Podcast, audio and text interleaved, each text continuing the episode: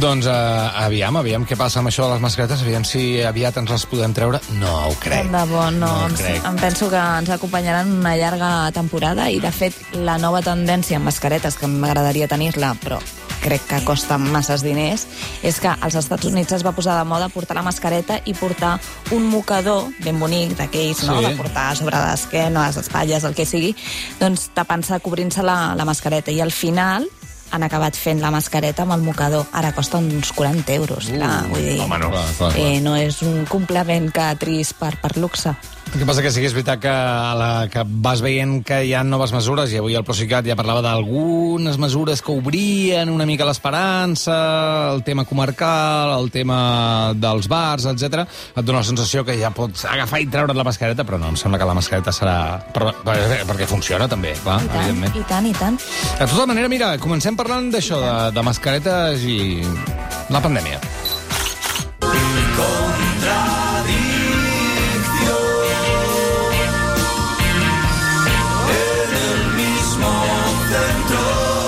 Ens va bé parlar sobre música d'Enrique Bumburi, que últimament estava dient i actuant d'una manera bastant... al voltant de tot això, eh? En fi, la, parlem de les mascaretes. La consellera de la Salut de Salut de la Unió Europea, Estela Kiri... A mi em costa molt els cognoms grecs, eh? Kiriakides? Crec que no és grega. Ah, eh, No és grega? croata? Potser, no ho sé. Bueno, eh? Ara sí, em penso que és croata. Bueno, eh? busco. Estela Kiriakides no recomana l'ús de la mascareta FFP2, però, però en canvi ella la porta. Clar, va ser ahir, uh, sí, ahir mateix, a una roda de premsa en la que la Unió Europea com amb ella de, de responsable del Comissariat de, de Salut, doncs va sortir a dir que no calia eh, portar una FFP2, de fet no ho recomanen, i que ho havien de tirar amb les quirúrgiques, almenys la ciutadania. I, eh, clar, quan els periodistes van veure que ella uh, portava una posada, doncs li van, li van preguntar, escolta, i, i, i el fet de que tu duguis una va dir que era pura coincidència. Vale. Ara, jo he estat mirant fotografies, buscant fotografies d'aquesta dona en altres compareixences. És cert que en alguna ocasió fa servir la quirúrgica, però en moltes fa servir la FFP2. Això em va portar també a mirar-me ahir el, el control, el control de, de govern, la sessió de control de sí. govern a Espanya, i també em va sobtar que així com eh, des de fa poc ho portaven de tela amb la bandereta d'Espanya o les quirúrgiques, no tant el president com els ministres, ahir vaig trobar que hi havia molts ministres i fins i tot el president del govern espanyol que s'havien passat a aquesta mascareta que té un 97% de protecció i que ha eh, inventat o creat eh, el CSIC. Jo no sé si ho fan per promocionar un producte espanyol, que podria ser, mm. perquè és biodegradable, però clar, el missatge crec que és una mica contradictori, perquè de fet el dimarts va sortir també al govern espanyol dient que no abaixarien eh, l'IVA d'aquestes mascaretes FFP2 perquè no eren obligades per la ciutadania. -hmm. Ara, que ells les portin, a mi em fa pensar, i suposo que molta gent també, una, eh, ells saben alguna cosa que nosaltres sabem? O ells es protegeixen millor que nosaltres? Què, què ens estan dient? Perquè potser només és això, eh? Només és intentar promocionar la marca Espanya perquè és un producte espanyol. Però si és aquest cas, jo crec que seria molt més efectiu o fins i tot molt més ètic que promocionessin aquest tipus de mascareta que ja dic, eh, té un 97% de protecció, és a dir, és molt més elevat eh, que qualsevol altre tipus de, de, de mascareta. L'únic és que costa 2,4 euros cada mascareta. Uh. 25 unitats surt a 60 euros i 50 unitats a 120 euros. És a dir, que realment és un producte que no tothom es pot permetre. Mm -hmm. I això, clar, pensem en una persona, però normalment les famílies, no? Dos, tres, quatre? Quantes hores dura això? Quantes 16 hores. Dura molt més que les altres. 16 hores i, a més, eh, entre ús i ús, és allò que recomanen de, amb un spray, amb alcohol, desinfectar-la. Uh -huh. Tot i així, clar, qui es pot permetre eh, doncs aquest tipus de producte.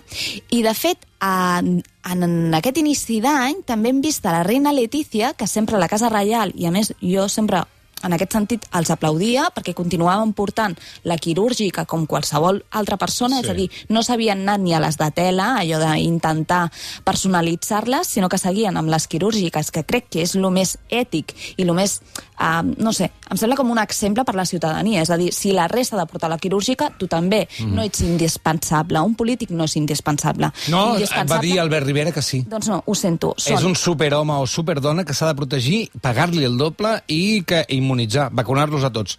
Encara que no vulguin, a la força. Flaca! Molt bé. Doncs per mi no són indispensables, seria el personal sanitari i fins i tot inclús les persones vulnerables, és a dir, totes aquelles persones grans o que tinguin unes enfermetats, jo aquestes sí que els hi prestaria doncs, aquest tipus de mascareta i a més promocionant-lo en plan, doncs és un producte espanyol, és biodegradable, protegeix molt més, però la resta no ho entenc. Letícia aquest any només porta aquest tipus de mascareta. Mm. I el rei Felip també, darrerament, se la va posant. Clar, i, i és això, és a dir, tu estàs veient una persona, persones no? uh, que tenen cert poder, que t'estan dient que no cal aquest tipus de mascareta, que amb la quirúrgica és suficient, perquè no estem tan exposats com, per exemple, personal sanitari, però després hem d'anar en el metro a la feina com sardines, t'estan dient que no cal, però després a ells els veus amb ella. Bueno, perquè jo crec que aprofitaran com a excusa per demanar un increment de la partida destinada a la Casa Reial, perquè s'han de gastar més diners en mascaretes. En mascaretes. Ja I ojo que estic veient molta gent que en porta dues, ja. De fet, jo ahir vaig anar, vaig anar al metge, i jo portava aquesta, que és la quirúrgica, i, i abans d'entrar a la consulta em van dir, bueno, em van donar una altra. Sí, Això no els hi feien a qui portava una FFP2. clar. Clar, clar. Escolta, per cert, que abans dubtàvem sobre la nacionalitat de la consellera Sí. de Salut Sí. de la Unió Europea, Estela Kyriakides, és de Xipre, és xipriota. Ah, clar, clar, ja és Ah, això, ja és això. És grega, va. Tanto monta. Xipre tanto. Sí, va una mica per aquí. Escolta'm, doncs, que és que han de donar exemple. Hem de donar exemple, i de fet aquests dies que estem en campanya electoral, també el divendres, a mi em va sobtar moltíssim totes aquelles abraçades, tot allò d'agafar-se les mans, fer- fer-se petons, uh, per, perdonin, però estem en una pandèmia. I hi ha molta gent que fa molts mesos, fa molt de temps, que no pot abraçar els seus pares, no pot abraçar els seus fills, etc etc. Així que, per favor, donem exemple. De cara, o sigui, a casa seva, Facin que que facin el que vulguin. Però de cara a l'aparador, és, que no, és que no ens ho podem permetre. És que estem donant un exemple tremendo a la resta de la gent. I hi ha gent que s'ho s'ho pren en sèrio, no? I que està intentant uh, complir amb totes les mesures. No sé, és que crec que hi ha un nivell de, dels representants públics que, déu nhi Mm, Aturem-nos aquí un moment. Ja sé que et fa molta mandra i crec que és la vegada que et fa més mandra de la història eh, política de la teva trajectòria vital, però ens pots analitzar una mica en general, eh? no estava al guió, però què has vist els últims dies a nivell electoral? Ara que veiem imatges, per exemple, de Carlos Carrizosa, aquí amb el, les abraçades i tot plegat. Vols dir alguna cosa sobre els últims dies que hagis vist coses? Em fa molta mandra aquesta campanya política, mm, per una banda perquè no hi ha ningú que destaqui, és a dir, no hi ha cap candidat que, que m'entusiasmi i això, clar, doncs també fa que em provoqui més, més, uh, més mandra, tot plegat, però principalment perquè, uh, i no sé si estareu d'acord o no, però crec que és una de les campanyes electorals més brutes que almenys jo he viscut. Mm.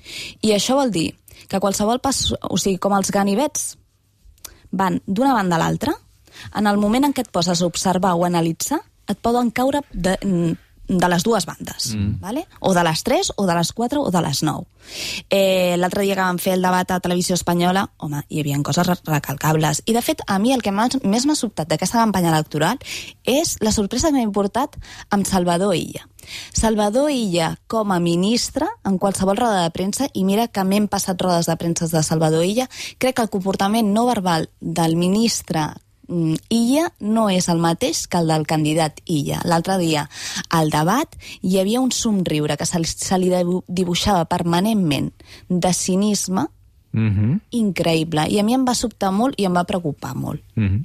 I això no li havia vist mai. És a dir, aquella serenor no? que se suposava que també eh, doncs estimulava aquest efecte Illa, no? o aquest reconeixement per la tasca del ministre Illa, després com a candidat eh, crec que està fluixant. És a dir, o està fluixant o s'està mostrant com realment és. Ara tornem a preguntar, hem de preguntar-nos quin illa és el l'illa real. Exacte, exacte. I després, doncs, per lo de Perdona, més, eh? amb, el tema, amb el tema illa hi ha Sí. molta gent que avui criticava o feia mm, befa, mofa de, de l'últim cis que acabava sortint Sí, clar. molt a favor de, de l'efecte Illa, que deien, home, precisament ara surt un 6 molt favorable a Illa que sembla que estava punxant ja una mica la bombolla de l'efecte. I a més una enquesta que tinc entès Amb que ha sortit urgència. en, enmig d'una campanya electoral, al mig d'una campanya electoral, que això no s'havia fet mai. És a dir, quina preocupació o quin objectiu té aquesta enquesta avui, a dia d'avui. Normalment el Crec que és data límit, em sembla, que fins Sí? avui podien sortir coses, eh? No ho sé, eh? No ho sé, però... Sí. Però està fet amb caràcter d'urgència, això segur. Mm, no, No te'n refies? No, no me'n refio. No me'n refio, no me'n refio, no me'n refio de Salvador. No me'n refio de cap, eh? És a dir, Mm. a mi em costaria molt posar ara mateix... O sigui, l'altre dia estava veient el debat i vaig pensar, hi ha nou candidats, nou, que són molts, i si els sumem tots, no fan un. Oh, és a dir, si ha hauria, clar, si hauria de triar... Clar, si dius, em quedo amb allò del retrat robot, no?, que dius, em Sí. quedo amb les millors qualitats de cadascun. Ostres, és que amb totes, i no faig un, eh?, que Però surti bé. no creus que, com que hi ha determinats... Sí que hi ha de, de millors i de pitjors, evidentment, perquè fora de context molts d'aquests candidats ens semblaven, com a mínim abans, que eren uh, persones que amb cara i ulls, diguéssim, no? Uh -huh. Però com que hi ha altres elements, com que hi ha Vox, com que hi ha Ciutadans, que d'alguna manera han rebaixat molt el nivell, uh, no creus que es posen a l'altura els altres candidats que en una altra circumstància serien millors? No creus que es rebaixen i que entren en un joc que potser haurien d'evitar? No. No, No és aquest el problema, Ho sento, sembla. Ok, no, ok. no. Crec que una persona que té un nivell alt no rebaixaria mai. I no s'ha de per- perdre mai l'elegància. I, i, I aquí el problema és que jo no trobo que hi hagi elegància. Jo he vist en altres persones, hi ha altres polítics que són elegants, però eh, en aquest sentit no. I sí que vaig apreciar dins del debat, per exemple, la CUP, no? Ah, hi havia Carles Riera, que en aquell moment feia de representant de la CUP, no va anar Dolors Sabater, ah, es va enfrontar directament amb Vox, no? És a dir, és que no, no, no entenc què fa aquesta persona aquí, no?, quan va començar a dir bestieses, no? Mm -hmm. En aquell moment què fas? T'atures, no vas? Eh, és igual que el tema de la llengua. Parles en català, parles, en castellà. Però és que no hi havia un nivell. És a dir, van passar com potser 20 minuts fins que vam arribar a començar a sentir alguna proposta. Mm -hmm. I, I és això, és eh, atacar l'altre. Mm, no sé, mm, de veritat, això és el que ens pot oferir un candidat o una persona que vol presidir la Generalitat de Catalunya? Només atacar l'altre, ensorrar l'altre? My vegetables. I'm gonna chow down my vegetables. I love Curiosa, aquesta cançó de Beach Boys que parla de vegetables, tu ja la coneixies, evidentment, ja l'havies posat alguna vegada. Eh, no sé si el, algú dels Beach Boys era vegetarià. Les conec absolutament, eh? Però, Però fa la pinta que sí, eh? És possible, ara buscaré, mira. Parlem de vegetables perquè la nova primera dama Jill Biden envia, ha enviat un cistell de verdures amb missatge implícit a Michelle Obama. És un regal senzill i barat, ple de simbolisme. Durant la seva estada a la Casa Blanca, Michelle Obama havia fet un hort als jardins que cuidava ella mateixa i va treballar per canviar els hàbits poc saludables dels nord-americans pel que fa a l'alimentació.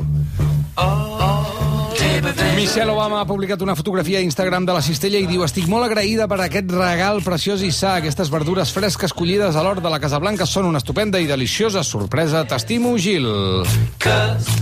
So. Doncs escolta'm, mira, coses maques que s'envien els uns als altres i que serveixen de missatge cap en fora. No sé quin punt d'hipocresia hi ha amb tot això, però vaja... No, crec que no, eh? Són, són, molt amigues, la Jill Biden i, i la Michelle Obama. Clar, el- Joe Biden va ser vicepresident durant els vuit anys de Barack Obama, per tant, els dos matrimonis tenien una relació estreta. Uh, realment, quan vaig veure el cistell ple de, de verdures, vaig pensar en l'Adam. Vaig pensar, això li agradarà a l'Adam. Molt. I realment és com reconèixer i recollir el llegat de Michelle Obama de tot el que havia fet el 2008, quan arriben, 2009 ja, eh, quan arriben a la Casa Blanca, el primer que fa Michelle Obama és plantar un hort ecològic a la Casa Blanca. Uh -huh. I ella mateixa, l'últim dia que marxa davant dels Trump, diu um, suposo que cuidareu bé l'hort perquè això significa no, que les famílies, que totes les famílies uh, uh, americanes entendran la importància d'alimentar-se. Però perdona, no ho entenc. Hi ha hagut 4 anys de Trump. Per això, per això. No ara- s'han carregat l'hort? Se l'havien carregat o no? De fet, el rumor era que una de les primeres uh, coses que va fer, canvis que va fer Donald Trump a la Casa Blanca, va fer arrasar amb l'hort ecològic. Asfalteu. Per tant, la importància, o sigui, la Michelle Obama estava emocionadíssima ahir quan va rebre el cistell aquest, perquè era com, ah, ostres, tot allò que vam sembrar no s'ho han carregat. És a dir, encara hi ha vida, encara tant- queda alguna cosa ha de que nosaltres vam Tanta sembrar. metàfora aquí darrere. Molta, eh? Però, per molta. tant, Donald Trump no s'ho havia carregat. No s'ho havia carregat. Ara, Veus és com és bona gent? És molt bona Home, per gent. favor, Oh, vosaltres sí. aquí criticant-lo cada dia. I de fet no es va menjar res, ell. Ell només menjava les hamburgueses del, del McDonald's. Sí. Fa, uh, quan va marxar Donald Trump, jo em vaig assabentar, que això no ho sabia, que tenia un botó Mm. Al, al, A l'escriptori del, del despatx oval, tenien un botó i cada cop que el premia apareixia un majordom amb una safata de plata amb una Coca-Cola Light. Aviam, David Olivares, si tu tinguessis un botó... Jo en vull un. Val, cada un Però que no digui... un, en tindria... Quants en puc tenir? No, Quin màxim un, hi un, ha? un i un sol producte. Pensa bé quin voldries. Ets el president del món lliure, ets el president dels Estats Ai, Units, la gran potència mundial. Que difícil. David Olivares, here in the, la Bones. sala oval dels Estats Units d'Amèrica. Menjar o beure? I have the button. El que tu vulguis t'estic donant temps perquè pensis quin és the product que quieres Va, pedir. home, va. Porque es en castellano, evidentment, tot lo que se pide es en castellano. Pastanaga, Xutxos de crema. Atenció, ha dit Oh. Xutxos de crema. xutxos de crema. Podem triar albergínies. Per què dius això? Home, el Virgínia, saps? Ai, perquè vols un botó per una albergínia que fots. Mare de Déu. Ara Què triaries per albergínies, Adam? En No, sèrio? Què no- triaries? Jo? Sí. Una cosa saludable. Bueno, però... eh, No això. Estem d'acord que el botó és xulo? A mi la idea del botó... No, a el mi- botó a mi és el m'agrada. més. El botó és el més. Val. Llavors, ella ha decidit xuxos, xuxos de crema. Tu què voldries que et portessin automàticament prement el botó? Doncs abans hagués dit Coca-Cola Light, però Sí. ara ja m'he tret aquesta addicció. Bé, gràcies ben també, fet que gràcies a l'Adam, la Bé, insistència molt de bé, l'Adam. molt bé. Però eh, ara mateix una copa de vi blanc. A les tu. 11 del matí. Ah, clar. Molt bé, ja tenim xuxo de crema, vi blanc, Adam Martín, eh, president. Jo és que, ja sabeu què diré? Doncs jo demanaria una infusió calentona. de No està malament, però quina, quina? M'és igual una de gingebre i de llimona, per exemple. Molt bé, perfecte, perfecte. Doncs eh, jo eh, m'he enganxat molt als, eh, als cacauets de wasabi aquests. Ah, molt bé. Doncs M'agrada molt a mi això, perquè bueno, pica. Entre, entre els quatre faríem... un pica, pica. Tenim, tenim, tenim un aperitiu, tenim unes postres, Sí, sí. acompanyats amb la beguda calenta, i després la beguda del mig. Molt bé. Meravellós. En tot cas, aquest missatge... I què ha dit Jill Biden quan uh, Michelle Obama ha dit que Li estic ha dit que la- encantada? que l'estimava. No, realment, clar, aquí la continuïtat d'un llegat, perquè la Michelle Obama... Ah, no, diu food is love. La Flotus diu food is love. Això. El menjar és amor. El menjar és amor. Realment és allò de, de, de que la, una de les principals polítiques de, de la Michelle Obama com a primera dama va ser insistir molt i promoure els hàbits eh, saludables entre els infants. I un era el menjar. De fet, una de les filles de Michelle Obama, això ho explica al seu llibre, durant la campanya electoral la tenien una mica oblidats als ne a les nenes i van començar a menjar doncs, eh, eh, menjar d'aquest ràpid, no? Que tens a l'abast. I, i doncs, van detectar doncs, que tenia problemes d'obesitat i per això va començar l'obsessió de Michelle Obama per alimentar bé a les nenes i sobretot a la resta dels nens perquè, clar, l'índex d'obesitat infantil als Estats Units és, és, és molt, molt, molt alt. Sí, Tu no, per no, on atacaries I no eh, només per això. arreglar el problema? Perquè, clar, és tan estructural i és tan a tot arreu, a la publicitat, a les escoles, els menús deuen ser increïblement greixosos. A Anglaterra, a. Anglaterra ho són. als hospitals, Als hi ha hospitals. McDonald's a dins dels hospitals, en molts casos. Home, s'ha d'atacar des de molts punts de vista, des del punt de vista de els impostos sobre productes que no són de bona qualitat, incrementar els preus d'aquests productes, treure'ls amb facilitat de l'abast, la publicitat reduir-la fins a, i evidentment allunyar-la de les, allunyar-la en tots els sentits dels nens petits i, evidentment, amb educació, amb divulgació, amb, amb pedagogia, sobretot. I aquest pas, a mi va, avui he vist el, el Twitter de la Patrícia que penjava això precisament, i he pensat que això, més enllà de la, de, de la, de la, de la picadeta d'ull entre una Sí. i l'altra, és una molt bona manera, mm. perquè la primera dama dels Estats Units està fent un missatge positiu, que a nosaltres aquí ens va ens és bastant igual, però allà per ells és molt important. Mm. Què menja, què fa la primera dama? Mm -hmm. Hi haurà moltes persones que a partir d'aquí diran vaig a plantejar-me algun canvi. Que és petit, sí, però que és interessant. Jo, de veritat, cada vegada que es parla d'això m'agradaria eh, reivindicar, eh, no hi ha un organisme, suposo, bueno, sí, eh, que s'encarrega d'això de manera central, però crec que en general, per exemple, la gent que tenim fills, mm. la sensació, i tu ho sabràs, David, no sé si estàs d'acord, la sensació de tranquil·litat mm -hmm. quan portes els fills tant a la pública com a la concertada, de que menjaran bé i de que estan estudiats els plans nutricionals Sí, senyor. a les escoles, em bé. sembla una, una barbaritat. De fet, la Michelle, al llibre, explica... I això en aquest- molts països no passa, eh? No, explica l'episodi en el que la, el metge l'avisa no, de que potser tindrà un problema amb, amb l'alimentació de les seves filles i ella intenta posar remei i contracta una persona que li recomanen que ve dos dies a casa, un noi jove, a fer-los un menú saludable per les nenes mm. i doncs només l'han d'escalfar i posar a taula el dia següent. I, I doncs parlant un dia amb aquest noi, es queden a la nit parlant fins a, a les tantes i doncs com ell li comença a explicar, ostres, és que s'hauria de fer alguna cosa amb tots aquests nens, hauríem d'intentar promoure l'hàbit de menjar bé, perquè clar, això sembla com que és molt barat, molt econòmic, però després hi ha una despesa en sanitat enorme. Per tant, això... s'ha de- I doncs a Michelle li diu, ostres, jo com a primera dama t'ho prometo que ho faria. Però clar, el meu marit va 30 punts per darrere les enquestes, o sigui que no guanyarà mai Clar, a la vida. clar, I així acaba el capítol. impopular. O sigui que realment, bueno, d'una promesa així feta en res, parlant de la salut de les teves filles, al final acaba sent la política que marca la, la figura de Michelle Obama com a primera dama. Sí. No, no, jo estic d'acord amb tu, Roger. eh, La meva filla va a una pública i tenim penjat, el, per saber més o menys també què, què menja, el, el menú de la, de la nena i és superequilibrat i fins i tot a vegades, com que et recomanen el sopar, a vegades, mira, fem, farem aquest La sopar... pròpia escola et recomana el sopar Sí, perquè ja- respecte al que han Sí, menjat. sí, I sí. imagina't, imagina't com hi han pensat amb això. Hi ha el eh? dinar i a vegades fem el sopar que recomana allà quan no tenim És idees. meravellós. Meravellós. I no només això, com que saps que a l'escola mengen bé, de tant en tant dius, pues, ens podem permetre a casa ser Clar. una mica menys curosos Sí, i, i menjar alguna marranada, perquè saps que allà han menjat bé. Hi ha molta feina per fer, en molts llocs, eh? Sí, a mi, a mi el que em preocupa és la quantitat de malalties que abans eren clàssiques i típiques dels adults que s'estan traslladant cada vegada als més joves i hi ha criatures que amb 8 o 9 anys tenen problemes de colesterol, problemes de diabetis, Diabetis. relacionats amb l'alimentació, etc, que no els haurien de tenir en aquella edat i és a causa de l'alimentació, a banda de l'obesitat, que també és un problema. No? Dels Estats Units anem a França. I'm singing in the rain, just singing in the rain. Què va passar ahir durant una roda de premsa plujosa a l'exterior del Palau Elisi? Doncs que es va posar a ploure i el president francès, què va fer? Doncs va cobrir el primer ministre eslovac, que era al seu costat, que continuava parlant amb el seu paraigua.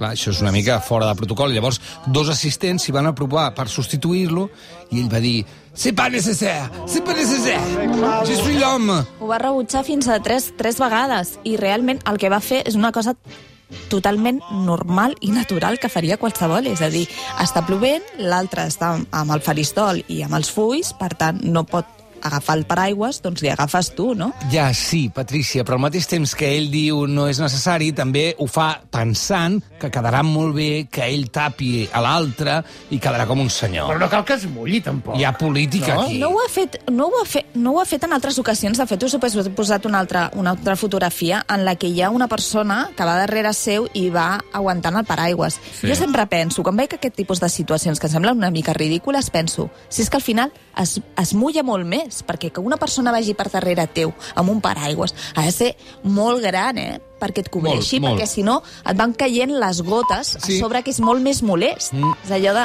quan vas dos en un paraigües, al final un surt perquè diu, escolta, és que m'estic mullant. sí, sí, I qui el- tapa el tapador? I el tapador un Exacte, altre. exacte. Clar, I es És una va cadena, sí, sí, sí, sí, sí, Per tant, eh, en aquest sentit bé, i després doncs, repassar tot aquest protocol, que a mi, eh, aviam, em sembla una mica ja ranci el jihadisme aquest protocolari, perquè o fins i tot vaig recordar, quan vaig veure ahir a Macron, um, quan li aga- agafa el paraigües i nega dos cops a les assistents que per favor que ja ho aguanta ell, que té un braç i té una mà per subjectar un paraigües, vaig pensar en la Meghan Merkel, que també va ser molt criticada uh, perquè va tancar ella mateixa el, el cotxe, la porta del cotxe. Oh, no, I no. dius, ostres, però... però I la van però, criticar.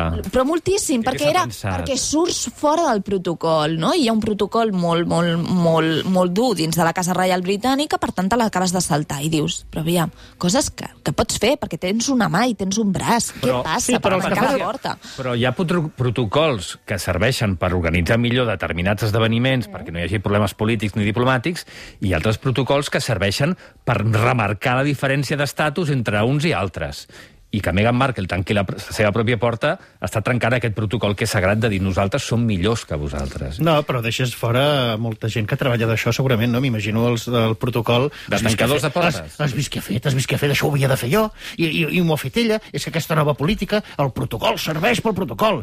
Però Clar. per això la paraula jihadisme i fonamentalisme en general està molt ben trobada, Jo també, vaig, eh? jo vaig pensar molt en, en aquesta... O sigui, el que estava comentant el David, eh?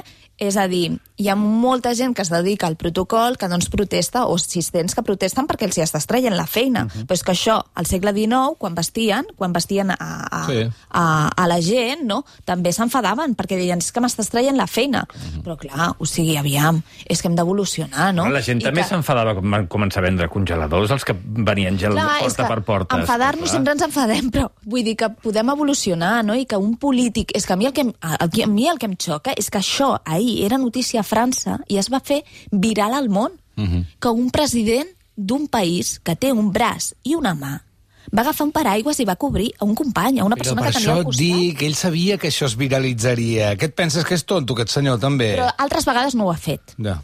Vull dir, altres O vegades no. hi havia dones, altres vegades hi havia matrimonis, altres vegades només hi havia un altre home i no ho feia. Recordeu aquella escena, no sé, eh, crec que era un mundial, jo és que de futbol ja no, no toco, eh? però hi havia en Putin, hi havia en Macron i hi havia una altra primera ministra, crec que la croata. És un I era una acudit? Hi final... havia en Putin? No, no. I, I era la final i a Putin sí que hi havia uh, un assistent cobrint a, amb un paraigües al, a Putin i Macron i l'altra primera ministra s'estaven mm, bueno, quedant xops sota, la, sota la pluja. Buscat, pot ser, però jo crec que també és el fet aquest de, de relaxar-te, no? De, escolta, o sigui, agafa un paraigües, no passa res. I el que em xoca és això, que ens sorprengui tant aquesta certa normalitat. O sigui, mm. és que són... Després vull humanitzar-me, perquè després hi ha moltes estratègies Sí, és no? un- estudiades. vol i dol, eh? Les dues coses. Intentar acostar-me a la gent per semblar més humà, més, més àgil, més tal, no sé què.